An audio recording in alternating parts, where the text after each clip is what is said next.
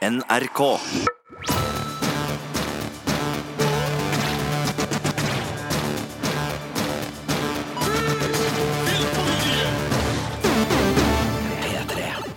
For en glede å kunne ønske velkommen til en ny podkast fra oss i Filmpolitiet. Her sitter Birger Vestmo sammen med Marte Hedenstad. og Sigurd Vik. Og vi har så mye å snakke om at vi må bare hive oss løs på det.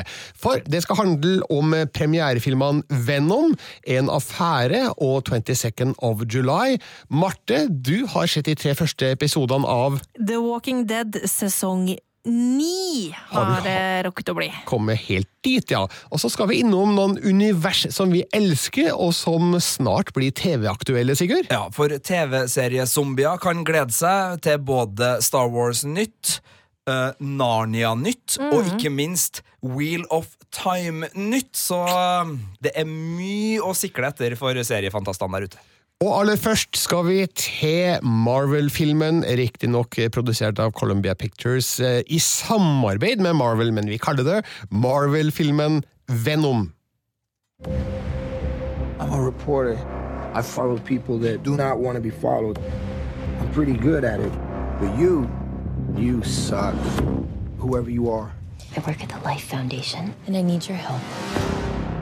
We found something. We call them symbiotes. Carlton Drake believes that the union between human and symbiote is the key to our evolution.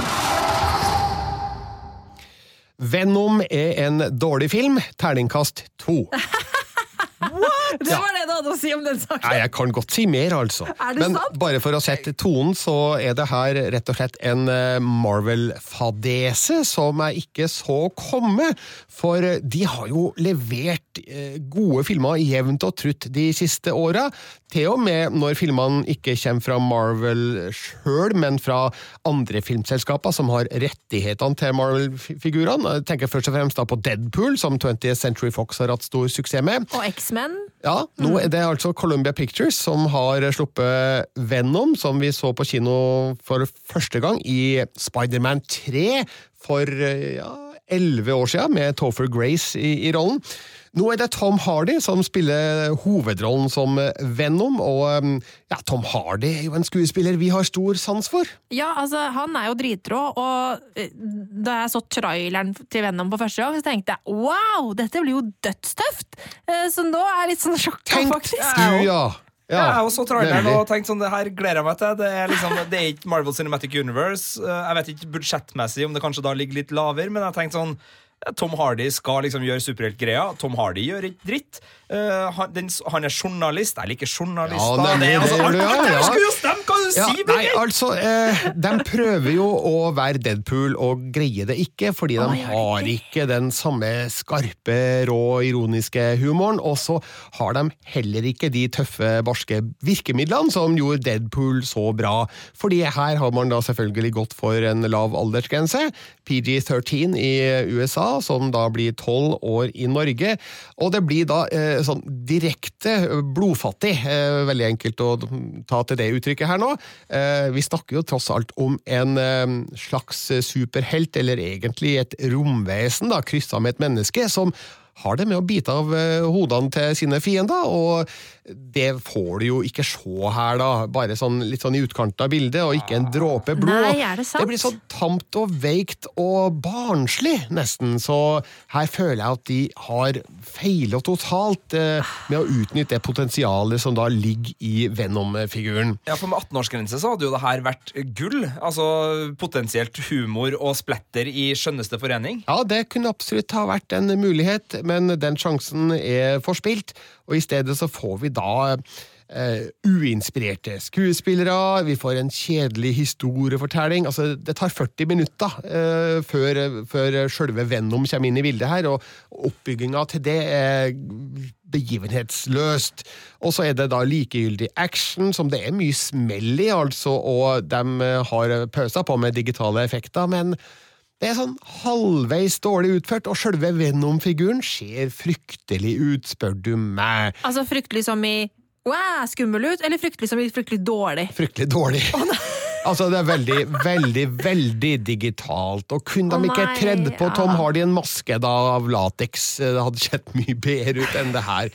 Det, det er mulig at jeg er i overkant negativ eh, nå, og at enkelte kan finne underholdningsverdi i, i Venom, men eh, jeg føler at her har mye gått eh, feil. Og bare for å ta det med Tom Hardy, han er jo en eh, knakende kjekk fyr, og du ser at han jobber hardt her, men han, han, han er jo ikke noen komiker, og det ha- han, han hadde nok bruk for Ryan Reynolds sine eh, kvaliteter i en film som Venom. Ja, Det er litt rart å putte Tom Hardy i en rolle som er ment å være morsom. Ja, og enda People, he was He was Nemlig. funny as Og enda merkeligere er det at Michelle Williams har rota seg inn her, en, en skuespiller som jeg har veldig stor eh, sans for. Rasende flink skuespiller, men her blir hun helt bortkasta som da eh, kjæresten til mm, hovedfiguren eh, Eddie Brock, eh, skråstrek Venom. Hun ser helt bortkommen ut, og det er ingen kjemi mellom Williams og Hardy, og får sånn inntrykk av at de kanskje egentlig ikke liker hverandre engang. Og ja, skjønner ikke helt hva hun gjør der. og Vel, regissøren heter Ruben Fleischer. Jeg har ikke hørt om han før. Han har sikkert gjort noe som jeg ikke har sett. Men eh, Venom er sikkert det siste han gjør. Oi, oi, og er det sånn derre Er han det der? He will never work in Hollywood again-krise, liksom? Det, det, det er mulig at jeg er altfor negativ her, og at det ikke går sånn, men jeg, jeg ser i hvert fall ikke for meg at Venom skal bli en franchise. At det skal bli noen oppfølgere her. Til nød kan Venom dukke opp i et eller annet uh, Marvel-sammensurium, men jeg tror ikke det her er bra nok til at vi får noen flere Venom-filmer. Så eh, dette er en, eh, et, et feilsteg i Marvel-sammenheng, så nå håper jeg at Marvel får tilbake rettighetene fra Columbia Pictures, og kanskje får gjort noe eget ut av Venom. Men eh, terningkast to, altså, til det som går på kino nå, og ja, takk for meg. Veldig greit, så da vet jeg Altså, Jeg uh, rakk jo ikke pressevisninga av den filmen. her Kan være såpass eh, behind the scenes ærlig. Ja, ja, Jeg hadde også tenkt- tenkt å se den. Ja, men du, jeg, jeg, rakk, øh, jeg rakk etter rulleteksten-scenen, for jeg kom på pressevisning etterpå, som da var en barnefilm, så jeg fikk se etter rulleteksten-scenen, og den handla om den animerte Spiderman-filmen, som jeg tror kommer i desember. Kan det Ja være noe, noe sammenheng der, tror jeg. Det var i hvert fall en veldig rar sånn tegnefilmslutt bakpå der, men da dropper jeg Venom, rett og slett. Det Ja, kjempebra, gidder jeg ikke hvis det er så ræva. Altså, hadde det vært en liksom OK treer, så kunne jeg drista meg til å se den på kino, fordi det er sånn film man ser på kino, liksom. Men terningkast to, da, da driter jeg i det, altså. Ja, og her i Filmpolitiet så er jo mitt ord eh, lov, så denne filmen får du ikke lov til å se, Marte, og heller ikke du, Sigurd. Det er greit. Men eh, det er da større grunner til å se den neste filmen vi skal mm, innom, nemlig den norske premieren En affære. Og du da? Hvordan går det med deg? Eh, jeg syns det går bra. Og du er blitt lærer? Ja. Ja, stas da. Bare lærer en uke, ikke? Må vi se, hvor lenge det varer. Eh, jeg er Anita, og jeg er ny her. Akkurat sånn som dere. Gymlærer. Og du trives godt? Ja, jeg trives kjempegodt her. Ingen råtne egg? Hei? Ja, for dere kjenner jo hverandre. Ja, det har jo blitt noen gymtimer nå. Både kanonball og litt forskjellige aktiviteter. Eh, Litt forskjellige aktiviteter, ja. Ja, det kan du skrive under på. Eh, en affære er en film av eh, Henrik Martin Dalsbakken, som eh, er den mest produktive mannen i Film-Norge. Altså Siden eh, 2015 så har han levert fem eh, spillefilmer på kino. Eh, Og, ven, og vende tilbake i 2015, eh, Sensommer og Cave i 2016, Rett vest i 2017, og nå altså En affære. Og mellom der så har han laga flere kortfilmer, og da bare for sikkerhets skyld. Han liker å jobbe mye. Han liker å jobbe mye og kjapt, og um, noen av filmene uh, har kanskje båret litt preg av det. Um, det syns jeg ikke er tilfellet i En affære, som er en engasjerende um, erotisk thriller om en gymlærer, spilt av uh, Andrea Brein Hovig, som uh, fatter spesiell interesse for en av sine elever, nemlig Markus, spilt av Tarjei Sandvik Mo. Og han vet vi hvem er. Isak! Det er Isak! Yep. Fra fra Skam. Skam. Ja. Helt riktig. Og eh, nå skal jeg da komme med den eh, pinlige innrømmelsen at eh, jeg fremdeles ikke har sett noe av Skam. What?! Er det sant? Ingenting? Men du vet, når det er noe som blir veldig populært, Ja. og alle snakker om det, så kommer det til et punkt der det ikke lenger er noe vits i å se det, fordi du uansett henger så langt bak. det er derfor- Gir det mening? Ja, Derfor Birger aldri har hørt på Beatles eller sjekka ut Elvis eller hørt på Kanye West eller uh, sett uh, noen av James Bond-filmene. det er nesten som om jeg får følelsen av at du prøver å torpedere argumentet mitt her, eh, Sigurd, men uh, ok. I hvert fall så eh, følger vi jo da dette litt merkelige forbudte forholdet som utvikler seg mellom eh, Anita og, og Markus. Vi forstår litt av hvorfor Anita gjør som hun gjør, fordi hun sitter fast i et eh, bleikt ekteskap eh, som eh, troféhustru. Og så skjønner vi jo hva Markus er ute etter, for han er jo en kåt uh, uh, ung mann i første klasse på videregående. Eh, og så forstår vi jo etter hvert at eh, ting står jo på spill her, for eh, det er jo ikke bra, det som foregår. Nei, og da lurer jeg litt på, greit, han er uh, villig med på dette, høres ut som, som kåt tenåring, og, og hun eh, er forelsket, eh, men altså jeg håper dette blir problematisert i filmen.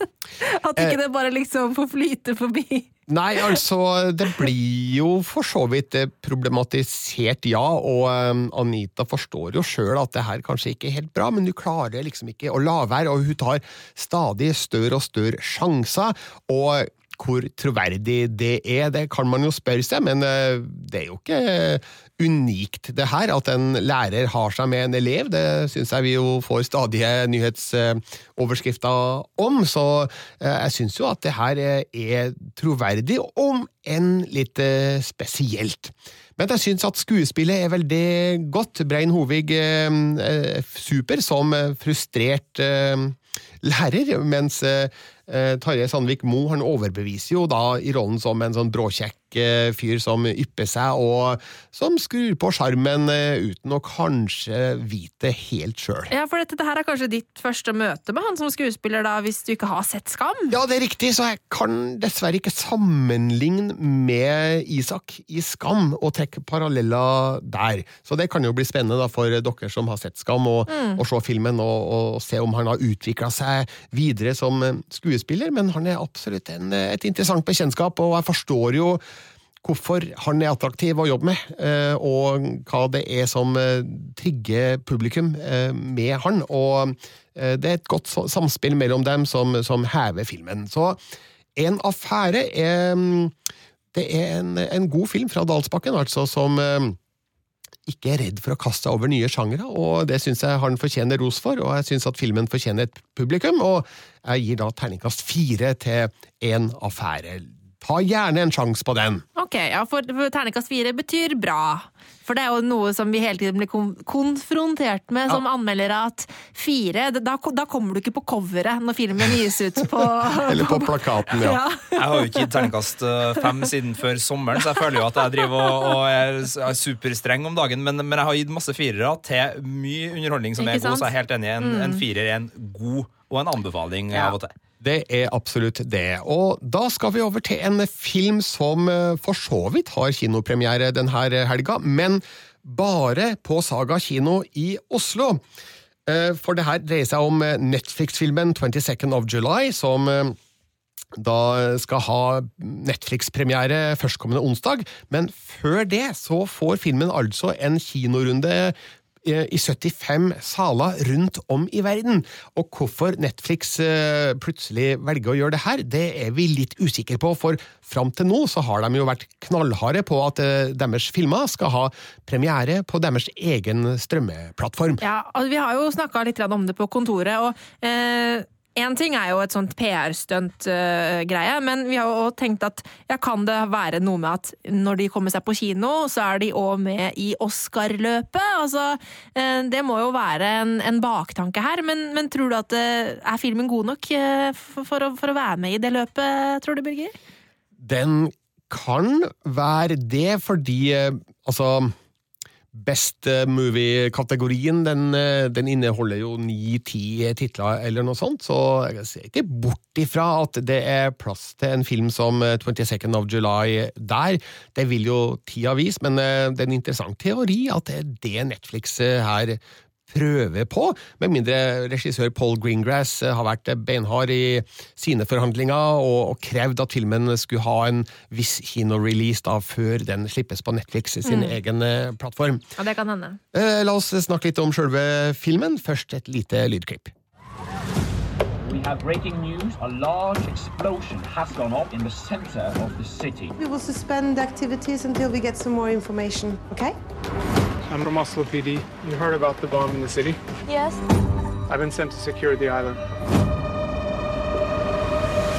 Actually, can I see your ID? Yeah, sure.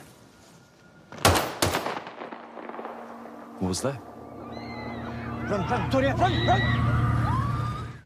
Ja, Sånn høres det ut i traileren til 22nd of July, som er innspilt i Norge med norske skuespillere, men eh, som dere har hørt, alt foregår på engelsk. Og grunnen til det er jo åpenbart at eh, her sikter Paul Greengrass og Netflix mot et eh, internasjonalt publikum, og da funker det dårlig med norsk tale og tekst. Men det jeg da lurer på, altså det har han sikkert snakka om i intervjuer og sånn, men eh, jeg har ikke lest det. Eh, Hvorfor har han da valgt norske skuespillere? Det er vel for å sikre en viss grad av autentisitet eh, og troverdighet, og det greier han jo med å gjøre det her. Sjøl om for oss nordmenn så kan det kanskje virke litt snålt at det foregår på engelsk, mens alle navn og stedsnavn uttales med norsk aksent. Så eh, Something has happened here on Utøya.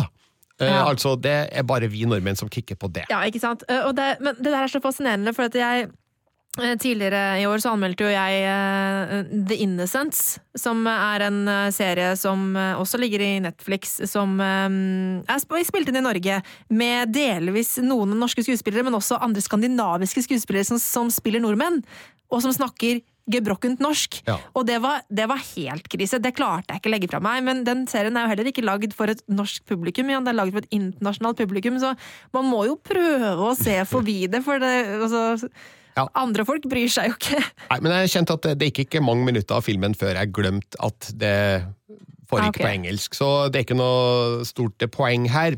Eh, Men det som er et poeng, er at eh, filmen eh, da, fordi den er åpenbart mynta på et internasjonalt publikum, så fungerer den på en litt annen måte for oss nordmenn, fordi det Paul Greengrass forsøker å gjøre her, er å gi oss et overblikk over både sjølve terroraksjonen den 22. juli 2011, og etterspillet som det fikk både eh, blant de overlevende og eh, i rettssaken mot Anders Behring Breivik.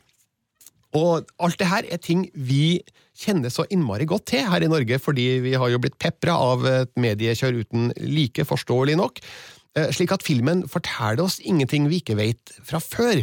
Men eh, et internasjonalt publikum har jo ikke den samme bakgrunnsinfoen som det, det vi har, så derfor er det mye nytt her for de. Og da skjønner jeg jo hvorfor Wingrass har valgt å fortelle denne historien slik han har gjort.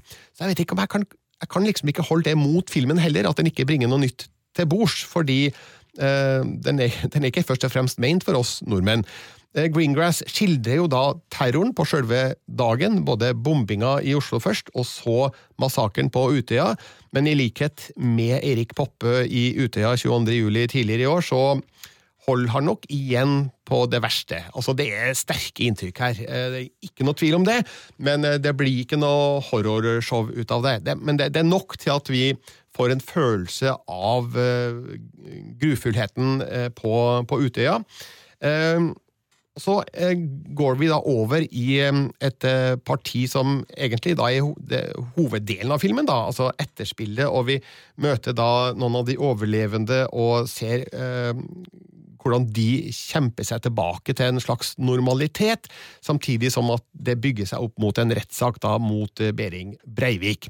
Eh, Sistnevnte spilles da veldig godt av Anders Danielsen Lie, som da ikke overdrive i rollen, eh, men spille da Behring Breivik som en kald og kalkulert eh, mann, og det gjør han nesten enda skumlere enn om han hadde overdrevet faktaene og, og, og spillet. Og så imponerer jeg seg også veldig av Jonas Strand Gravli, som spiller Viljar. Og det er jo basert på en ekte person som var på Utøya, og han er òg drivende god da i en rolle som må ha vært emosjonelt tøff å, å ta på seg. Eh, Det er mange andre norske skuespillere her, da naturlig nok, som eh, Ola G. Furuseth i en troverdig rolle som eh, Jens Stoltenberg. Jon Øygarden spiller Geir Lippestad, advokaten som da blir eh, Behring Breiviks forsvarer, og vi får se hvordan han forbereder seg og sin klient på rettssaken, og hva det koster han både personlig og privat. Og før nevnte Stoltenberg får vi jo se litt eh, av, og får innblikk i hvordan han takler situasjonen, spesielt da på sjølve terrordagen. Så det, det er mange folk her, det er mange historietråder å holde styr på, og jeg syns Paul Greengrass greier å sy sammen et eh, veldig godt lappeteppe her, da, eh, av hvordan Norge så ut både på terrordagen og i året etterpå. Ja. Jeg bare lurer på, eh, Han har jo, som vi var inne på, laga filmer tidligere både om eh, terroren i USA i, i 2001 og også somalske pirater i Captain Phillips. Hvordan er denne filmen som Greengrass-film? Altså Ligner den på dem i, i stil og tone, eller gjør den noe, noe nytt her, noe annerledes? Nei, altså, han er definitivt inne i det samme landskapet, for å si det sånn. Eh, filmen er jo da filma med håndholdt kamera, og eh, det ristes eh, ganske mye av og til, og eh, det er et sånn, litt sånn dokumentarisk preg da på, på bildene i filmen, som er, er, er skutt av en norsk fotograf, Pål Ulvik Rokseth. Og eh, jeg syns at eh, bruken av eh, musikk og andre ytre virkemidler er, er sparsommelig, men, eh, men går inn der det trengs og er virkningsfullt. Og han skaper en, eh, en ubehagelig nerve gjennom eh, hele filmen, spesielt da selvfølgelig i den første delen som omhandler terroren, som holder på min interesse da gjennom hele filmen, eh, til tross for at den varer jo i hele to timer og 23 minutter inkludert rulletekst. Så om du har sett eh, Bloody Sunday eller United 93 eller Captain Phillips, så vil du kjenne igjen filmspråket og måten han tilnærmer seg eh, virkelige hendelser på. Det er høy troverdighet over det hele, og man blir plassert på stedet og, og i situasjonene. og eh, med de figurene som eh, opptrer. Eh, Han gjør ting godt, altså. Eh, Så har jeg gitt terningkast fire da til 22nd of July. Igjen en undervurdert eh, karakter. Ja. Eh, Men det jeg da eh, trekker ned for, for å si det sånn, da, det er jo det jeg var inne på uh, før, at uh, filmen forteller oss uh, ting vi vet fra før. Mm. At den ikke har noe nytt å, å gi oss. Og det er jo mer vårt problem som nordmenn, tenker jeg da, enn Greengrass sitt problem som regissør, i og med at hans publikum er så mye større enn de fem millionene som bor her. Jeg har eh, et lite spørsmål. For jeg, har ikke, jeg orka ikke å se eh, Poppe sin eh, film på kino da den gikk. Og tenkte at denne skal jeg vente til kommer i strømming, sånn at jeg kan se den på en måte hjemme, trygt hjemme i sofaen. Og jeg har enda ikke sett den, fordi jeg har ikke klart å liksom når setter du på den? Um, når er det, ikke sant? Så jeg, jeg, jeg, jeg har utsatt og utsatt det. Um, og nå er jo da uh, denne filmen her. Um, så hvilken film skal jeg se først? Du skal se Erik Poppes film først. Ingen tvil om det. Fordi uh, den, uh, den setter fokus på ungdommene, de som var på Utøya, og den, den setter deg i situasjonen på en langt sterkere måte enn eh, Paul Greengrass har valgt å gjøre i 22nd of July. Eh, Så å se Poppes film det legger liksom grunnlaget for eh, alt etterpå. Altså alle de andre filmene og seriene og dokumentarene som vi vet er på vei. Jeg syns det er viktig å starte med Poppes film først, og er glad for at den var først ut.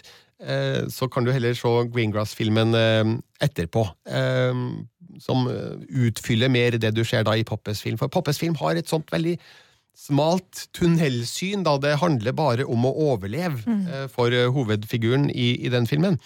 Um, så, mens Greengrass sin film gir et mer overblikk over hele saken, kan du si da. Du må se eh, dokumentarfilmen Rekonstruksjon Utøya, som kommer senere denne måneden, der eh, eh, Viljars lillebror Torje er en sentral figur, så den utfyller videre igjen. da. Så start med Poppes film, så ser du Greengrass sin film, og så ser du Rekonstruksjon Utøya, og så vet vi at det kommer flere andre ting senere som eh, sannsynligvis vil sette 22. juli i enda nyere perspektiver. Greengrass sin film heter altså 22nd of July, eh, går på kino bare i Oslo fra og med denne fredagen til og med tirsdag, og så på onsdag 10. oktober, da har den premiere på Netflix. Da er vi ferdig med kinofilmene og kino-slash-Netflix-filmen eh, nå. Vi skal over i TV-ruta, og det skal handle om Ja, hva var det igjen, Marte? Noe helt annet, nemlig The Walking Dead. It's human nature to come together. That's a real pretty picture you paint there, Rick. When do I get to see it? Don't you ever get tired of acting like you're still in charge? Do you? I'm when we're fighting the saviors. You told me that soon you'd be the one following me. But you didn't, because I wasn't someone to follow. That changes now. The Walking Dead sesong Me. Herregud, har de kommet så langt? Ja, de har kommet så langt, eh, og det er eh, egentlig eh, et problem. Eh, Ja, altså, Fins det serier som det lar seg forsvare går lenger enn sesong eh, seks, liksom? Nei, nei, vet du hva. Det, ja, Game of Thrones. Game of Thrones skal, skal få lov til å øh, bli ferdig med sine sesonger. Men eh, hvorfor er det et problem problem med The Walking Dead, syns du? Altså, Det som har vært egentlig et sånt problem hele veien med den serien, er jo at de har hatt en veldig sånn sesonger hvor det er veldig spennende i starten, eh, veldig spennende i slutten, og så er det en sånn hengemyr i midten eh, som, eh, som ikke når helt opp. Eh, men det har likevel vært en serie som jeg har vært veldig veldig fan av og veldig glad i. Fordi nummer én, jeg syns zombier er gøy. nummer to, jeg elsker eh, postapokalyptiske ting. Um, fordi det er så gøy å sette seg inn i liksom, den verdenen. Hva hadde jeg gjort? Hadde jeg klart å overleve? Ikke sant? Alle disse tingene. Um, og så det siste, og kanskje viktigste, at eh, det er en Eller var i hvert fall en veldig god dramaserie. eh, som handler om hvordan disse menneskene takler eh, det som blir kastet mot dem. eh, og handler egentlig mer om de eh, mellommenneskelige relasjonene, eh, for å bruke et fint uttrykk, eh, enn selve zombiegreiene. Jeg er jo helt enig med deg i starten her. Sjøl ramla jeg av etter sesong fire, så du har jo holdt Yes. deg mye lenger enn meg. Men altså, har jeg gått glipp av noe fra fire til åtte og, og Um, inn i ni nå? Altså, i den forrige sesongen så var det jo ehm, da eh, var den store fienden i den sesongen var jo Negan. Eh, og han fikk virkelig eh, satt eh, Rick Grimes, eh, vår gode sheriff, eh, på prøve. Og det var en veldig, veldig god sesong, syns jeg, av, av godeste Og hva heter han i farta? Andrew Lincoln. Fordi man fikk virkelig se Rick helt avkledd og på en måte helt nedbrutt. Men den dro ut for lenge. Um, og jeg ble litt lei på slutten. Uh, og jeg tenkte at her kunne de bare ha faktisk avslutta hele serien. Den slutta på en sånn måte at med veldig små grep så kunne de ha gjort dette til en egentlig bra avslutning på hele greia. Og så kommer sesong ni. Uh, og jeg har sett tre episoder. Um, og jeg sliter med at jeg er så lei nå. Jeg er på en måte jeg vil ikke ha mer. Eh, og da føler jeg at det er nesten litt sånn urettferdig at jeg skal anmelde det, fordi eh, altså det skal veldig mye til for at jeg på en måte skal bli hekta igjen nå, da.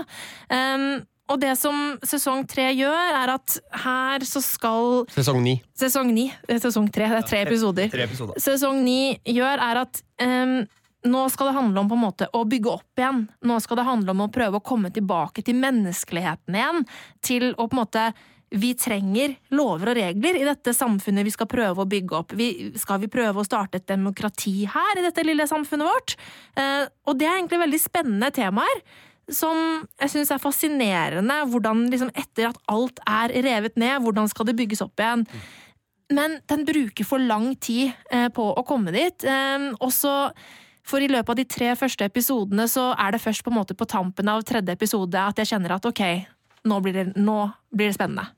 Um, ja. Og så er det konflikter som settes opp som egentlig allerede ble satt opp i slutten av eh, forrige sesong. Og når de da skal bruke tid på å sette opp disse konfliktene på nytt igjen, så kjenner jeg at da blir jeg lei. Du, nå eh, på sin plass med en liten spoiler-alert her, kanskje, Ja. men det, det er jo viden kjent. Det har jo vært eh, Ja. frem i media at eh, Andrew Lincoln skal jo ut av serien Yes. sånn cirka midtveis da, i rollen som Rick Grimes. Ja. Påvirker det måten du ser de første episodene her Ja, på? det er, det, er, det er nesten Jeg lurer på om det. Fordi øhm, jeg veit at han skal ut, øhm, og så går jeg jo og lurer på når det skal skje, og hvordan det skal skje. Ehm, ja, men men jeg vet, altså vi vet jo ikke om det blir at han, at han blir drept, eller om, om han ender opp lykkelig happy ever after et eller annet sted. Så, så, Tidsreise, sannsynligvis. Og reiser han men, tilbake i tid. eh, men det er en sånn Det er en type Rick Grimes vi ser her som vi merker at på en måte er litt sånn ferdig. Ja. Eh, Andrew Lincoln er litt ferdig, og du, du merker at serien driver og runder av. Mm. Uh, fordi det er veldig mye sånn Liksom, hva er det neste sånn fremtidstenkning um, som det ikke har vært i like stor grad tidligere? Tidligere så har det vært mest om å overleve, nå handler det om å bygge samfunnet. Uh, og det er veldig spennende, samtidig som det blir kjedelig. Sorry, ass. Ja. Jeg skjønner ikke helt hvorfor det i det hele tatt ble annonsert at han skulle ut midtveis. Ja, det er veldig rart. Uh, men, men jeg, jeg syns det er veldig merkelig. Men han må jo være kanskje lei, jeg veit da søren. Du, etter eh, åtte og en halv sesong, Ja, så hadde du jo vært lei, Det er ganske mange år han har spilt den rollen, men han er jo en kjempegod skuespiller, og Rick Grimes-rollen har jo vært den beste i serien. Eh, Så det er jo han som har vært den eneste grunnen til at jeg har fortsatt, når, jeg har, når det har vært disse hengemyrene, hvor jeg har tenkt at jeg må, nå gidder jeg ikke mer, så er han grunnen til at jeg har fortsatt. Sånn at det, når han nå går ut, så kommer ikke jeg til å fortsette å se på The Walking Dead, altså. Det er jobben din, så det har ikke du noe valgmulighet på. Marte, det, det er opp til meg og Birger. Men jeg må bare, eh, eller du, Birger, hadde Ja, nei, jeg tenker bare Altså, Marte, du har vel òg gjort det samme like lenge som The Walking Dead har eksistert, så Ja, jeg har jo faktisk det, faktisk, tror jeg jeg har gjort. Så, så da Eh, skjønner vi plutselig ikke likevel hvorfor Andrew Lincoln er lei. Nei, nei, nei. Men uh, det interessante her er jo, i hvert fall ut fra promoen til The Walking Dead, så er det her uh, Når Game of Thrones ikke går på TV, så Mm. er det her den største TV-serien i USA. Det gjør jo det her uh, Nå må riktignok sies at det er ut fra lineær-TV-tall og ikke, Ja. ikke strømmetjeneste, men altså det er jo en fette svær TV-serie, for å si det rett ut, eh, i da sin niende sesong. Altså, folk kommer jo til å se det her, det, det er det jo ikke noe tvil om, men, men altså, er det, er det noen advarsler? Har du noe, noe ord til dem som nå skal sette seg ned og, og gyve løs på nok altså, en, en eh, runde? Jeg har eh, registrert at det er andre enn meg som syns at dette her er en bra sesong. Eh, og at det nå er Game of Thrones Nei, Game of Thrones. Nå er The Walking Dead tilbake der det skal være og sånn. Men for meg som allerede har blitt så lei, og som i forrige sesong ble så lei som jeg ble, så er det ikke likevel bra nok til at eh, jeg blir revet med i de tre første episodene. Eh, så syns jeg jo temaet for sesongen er interessant, så jeg er veldig spent på hva som skal skje videre. Samtidig som jeg veit at når Andrew Lincoln er ferdig, så er jeg også ferdig. Spørre om terningkast, Birger. Ja, eh, Har du et terningkast Ah, på de tre første jeg... episodene av The Walking Dead sesong ni? Jeg sleit litt, faktisk. Fordi at jeg tenkte at ja, ok, men det er jo kvaliteter her. Skuespillerne er gode, manuset er jo bra, det ser bra ut, god produksjonsdesign, bla, bla, bla. Du bla, bla. liker jo zombier. Jeg liker zombier. Og så bare Du sånn liker jo postapokalypse. Men! Og det her er på en måte Det her er testen. Når du sitter og ser serier hjemme. Når du får lyst til å dra frem mobilen litt for ofte, da er det ikke godt nok. Altså. Altså, derfor blir det faktisk altså, Det blir terningkast tre, altså.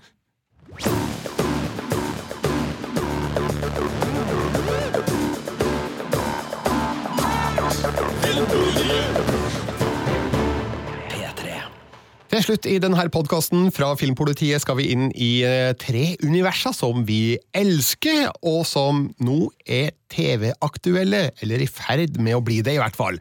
Og først skal vi til Chronicles of Narnia. Åh, Elsker Narnia. Elsker filmene eh, Narnia og TV-serien. Eh, ikke les bøkene. Eh, hvem av oss har mest peiling på Narnia? Eh, Jeg tror det er meg. Det er Eh, du. Ja. Nå, fikk- nå fikk jeg lyst til å protestere bare for at du var så jævla cocky, men, men du har rett. da, det er det. det her, altså, det, de første bøkene moren min leste for meg, var Narnia. Eh, og jeg husker så godt den følelsen av at når vi hadde lest ut en bok, og så gikk vi på lekebutikken på Bærums Verk, der jeg er fra, som lå i et sånt rart lite sånn bygg, og helt i enden i et sånt langt, eh, smalt rom på den øverste hylla. Eh, ganske sånn høyt oppe, jeg rakk ikke opp dit, så sto det en rad med lilla bøker. Og når vi hadde lest ut igjen, da gikk mamma, så kjøpte vi en ny lilla bok, og det var Narnia. Og hun leste for meg, og det var det som på en måte skapte min sånn fantasy-kjærlighet, da. Eh, Og jeg har senere lest eh, bøkene flere ganger selv, og er veldig glad i dem. Og så veldig gode minner fra den derre eh, kanskje sett med dagens øyne litt halvdårlige BBC-serien som har blitt slitt i hjel på NRK på jul og Jeg liker den. påske. Den jeg- var Jeg liker den. fin. jeg elsker den også! så jeg er veldig glad i Narnia. Jeg liker den bedre enn filmen. Ja, ja, men er det nostalgi? Er det ikke det? Jeg vet ikke. Det kan være det, Det altså. kan være det, men det er noe med den der eh, eventyrfølelsen. Ja. Altså, Det er jo ikke øh, overførbart, fordi dagens uh, cinematiske uttrykk vil gjøre at den ser datert ut, selvfølgelig. Men den eventyrfølelsen jeg fikk av den serien, den var sterk. Altså, det, det var et eller annet der som, ikke, som, som gikk utover nostalgifølelsen jeg føler nå. For Ja. jeg, jeg ble revet med som, som uh, Og ikke sånn veldig ung barnere. Jeg tror jeg så en reprise som gikk sånn starten av 90-tallet, midten av 90-tallet kanskje, så jeg var jo sånn Nærma meg tenårene. Ja, jeg gleder, jeg gleder meg som Jeg visste at det, når det er jul eller påske, så kommer de seriene. Og jeg, bare, jeg gleder meg så mye hver gang, for nå blir det Narnia på TV, og det var så stas. Så ja, men skal vi komme til nyheten? Ja, la oss gjøre det. For det er en Netflix-nyhet, nemlig dette. De skal lage serier og filmer basert da på C.S. Lewis sine Narnia-bøker. Ja, det Første gangen alle rett, eller rettighetene til alle sju bøkene er samla hos én eh, premissleverandør. Og nå har vi jo snakka tidligere i podkasten her om at Venom eh, og Marvel-problematikken er til stede når eh, folk driver og holder på med samme univers, men bruker ulik pengebok. Det er jo veldig spennende at de nå har den kreativiteten til at de kan gjøre akkurat hva de vil. Ja. Men når du sier basert på, betyr det at skal de fortelle historiene fra bøkene, eller skal de finne på nye historier fra universet? Ja, det er jo det jeg er veldig usikker på. har, har dere noe innsikt i det? Har ikke jeg. Jeg, jeg, håper at uh, Altså, jeg håper at eh, de skal fortelle uh, historiene fra bøkene, og det er jo syv bøker. Eh, sånn at vi har jo um, Det er vel bare tre som vi har sett. Altså, det er Skal vi se, det er uh, Løven, og klesskapet har blitt filmatisert. Og så er det Reisen til det ytterste hav. Ja. Og så er det da den i BBC-serien, så kommer vi så langt som til den som heter Sølvstolen. Um, så det er vel bare tre. Sånn at det er jo masse mer å ta av der. Ja, og de bøkene som ble filmatisert eh, Det ble jo filmatisert bare deler av bøkene. Mm, så, ja, og så lurer jeg på hva, hva det betyr når Netflix sier at de skal lage serier og filmer. Eh, Jeg, jeg vil jo heller ha serier, kjenner jeg. Jeg har et sitat her da fra uh, Ted uh, Sarandos, som er Chief Content Officer i, i Netflix. Uh, han sier jo at CS Lewis' fantastiske Narnia har underholdt generasjoner av lesere rundt om i verden, og familier har forelsket seg i karakterene som Aslan og resten av Narnia-familien. Vi er svært glad for å være deres hjem i mange år De har store planer. De har tydeligvis det, da, for det her er jo ikke billige rettigheter. øh, Og det er, sies jo også i en del av nyhetsartiklene rundt det her at øh, de anser det her som en reaksjon fra Netflix på Amazon, som da har Ringenes herre, som er en uttalt liksom sånn, Det skal bli vårt Game of Thrones i Amazon, og Amazon skal vi også snart snakke om, for de har skaffa seg en annen fantasy-gigant.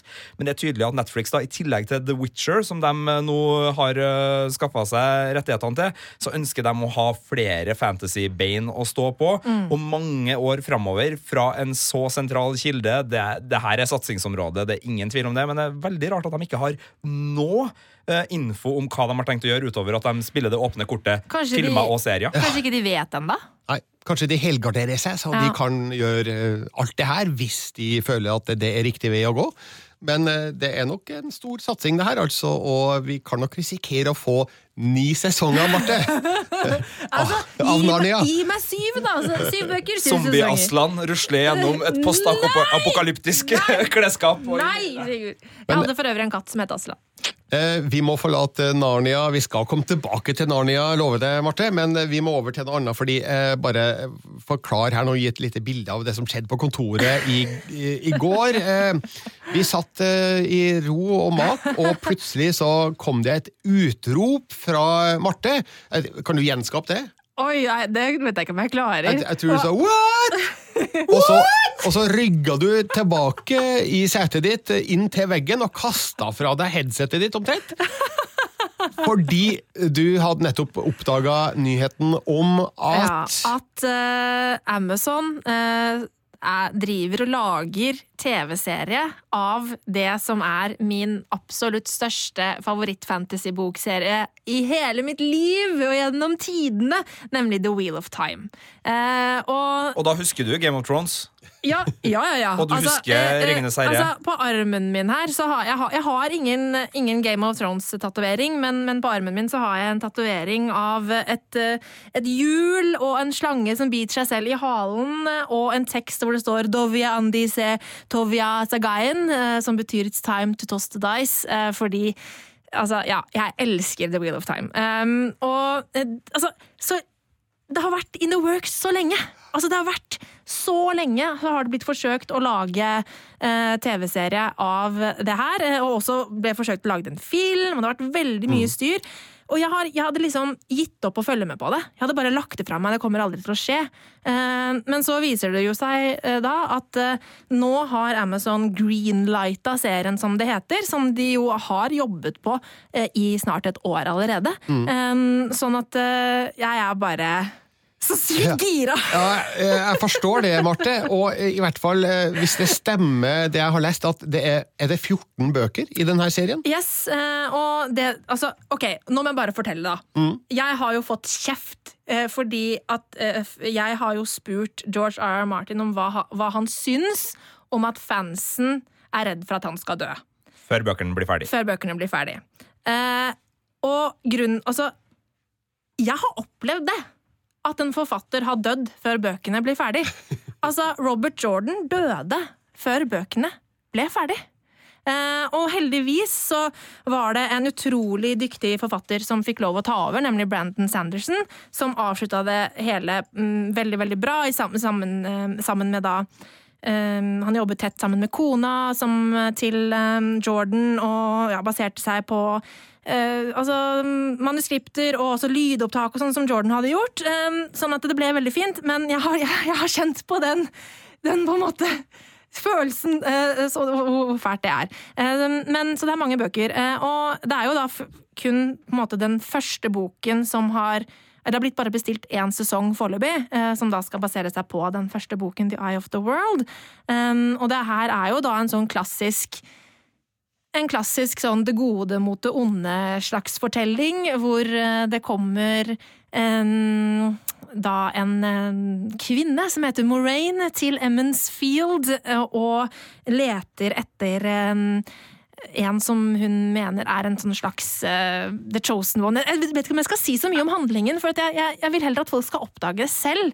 Det kan er et univers jeg er veldig glad i, i hvert fall. Slenge inn stikkord. Uh, profetia. Yes. Uh, og Den gjenfødte drage. Ja. Eh, og eh, flere parallelle historier som fører at våre helter på sikt eh, må gjennom mange Ja. prøvelser. Det her er jo, og så er det et enormt, et, et enormt univers med utrolig eh, mange eh, rollefigurer.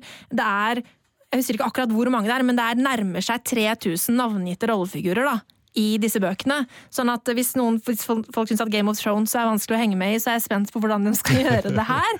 Eh, Men det er rollefigurer som jeg er veldig, veldig glad i.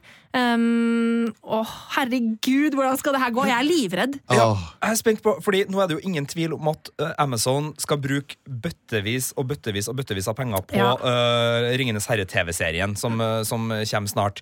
Eh, hvis produksjonsverdien på Wheel of Time-serien deres er lavere, altså merkbart lavere, altså det, det framstår som en litt sånn lavbudsjettserie à la The Magicians eller eh, ting som vi har sett på oh. Da er det jo litt krise. Ja. Hvordan vil det være for deg, hvis Ja. du føler at det ikke blir tatt like mye på alvor som Game of Thrones og Ringenes herre? det, det vil være vanskelig. Um, heldigvis, i den første boka så er det kanskje ikke så mye ting som krever Altså, den er mer karakterdrevet i starten. Um, sånn at der kan man Altså, det vil kanskje ikke synes like mye, men utover hvert i bøkene så vil det jo bli ting som krever mye budsjett, da. Um, men jeg er veldig spent. Men det jeg leste at det var Amazon har satt på hold en annen serie, eh, en sånn Conan the Barbarian-serie, som de har satt på hold. Så jeg bare lurer på om Fordi den nå har jo da Det er jo uh, Rafe uh, Judkins som har skrevet på manuset i et år. Um, han har kommet ganske langt i prosessen. Og at jeg da håper at kanskje de Konan-pengene kanskje går inn i The Wheel of Time fordi de har kommet lenger. Å, veldig god idé! Eh, Så jeg, jeg håper at eh, det blir virkelig satsa på det her, for jeg, jeg, er jo, jeg har jo fullstendig angst for at det skal gå til helvete.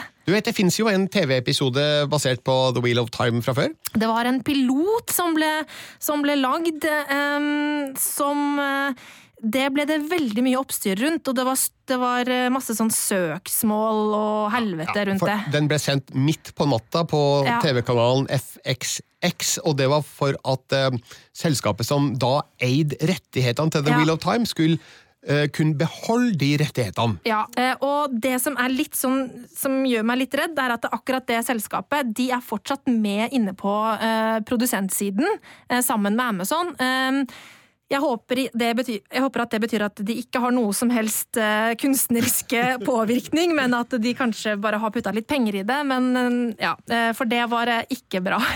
Vi skal komme tilbake til The Wheel of Time på et senere tidspunkt, har jeg en anelse om. Eh, ja.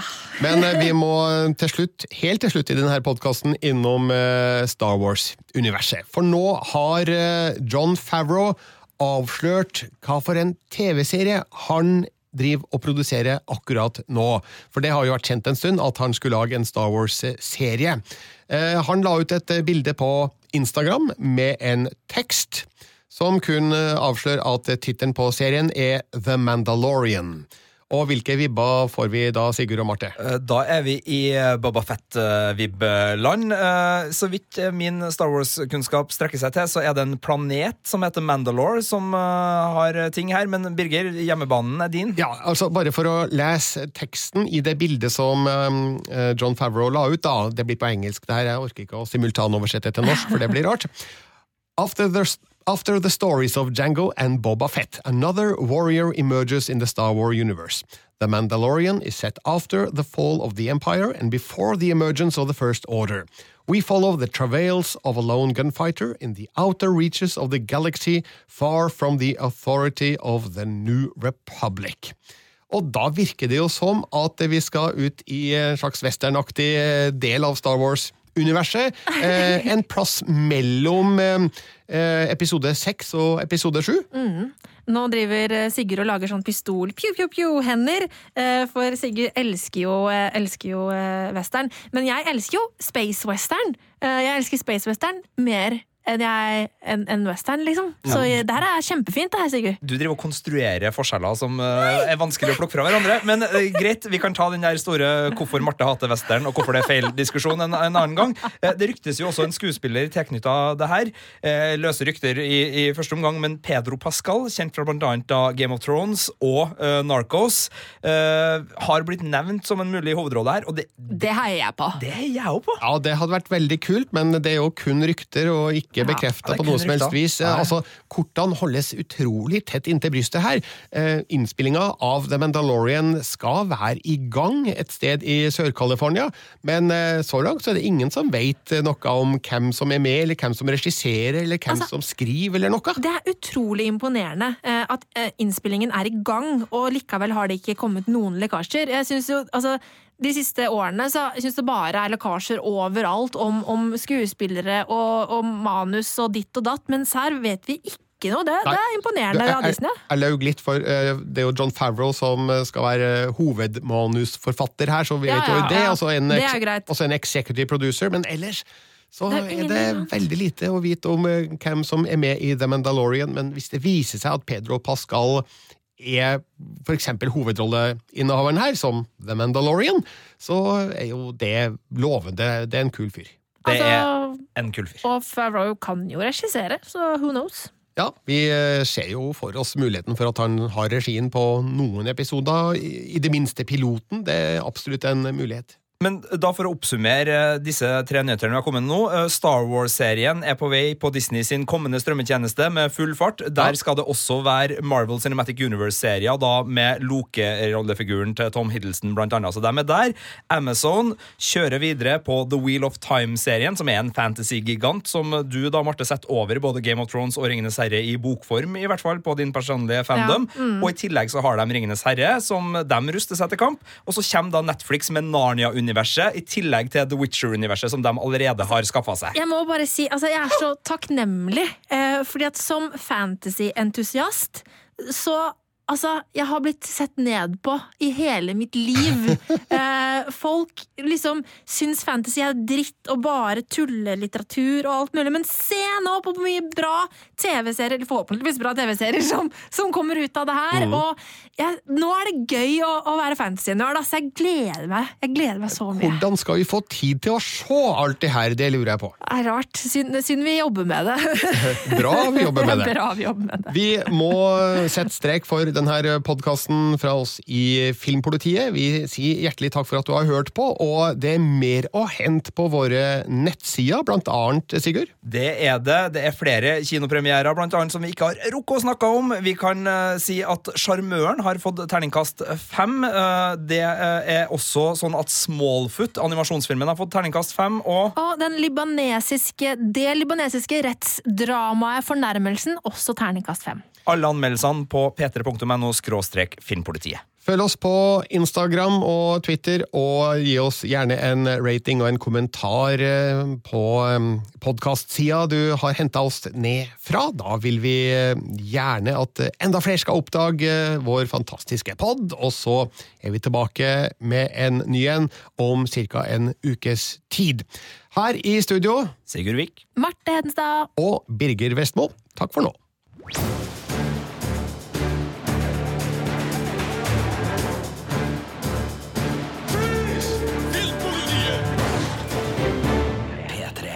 Du finner flere podkaster på p3.no podkast.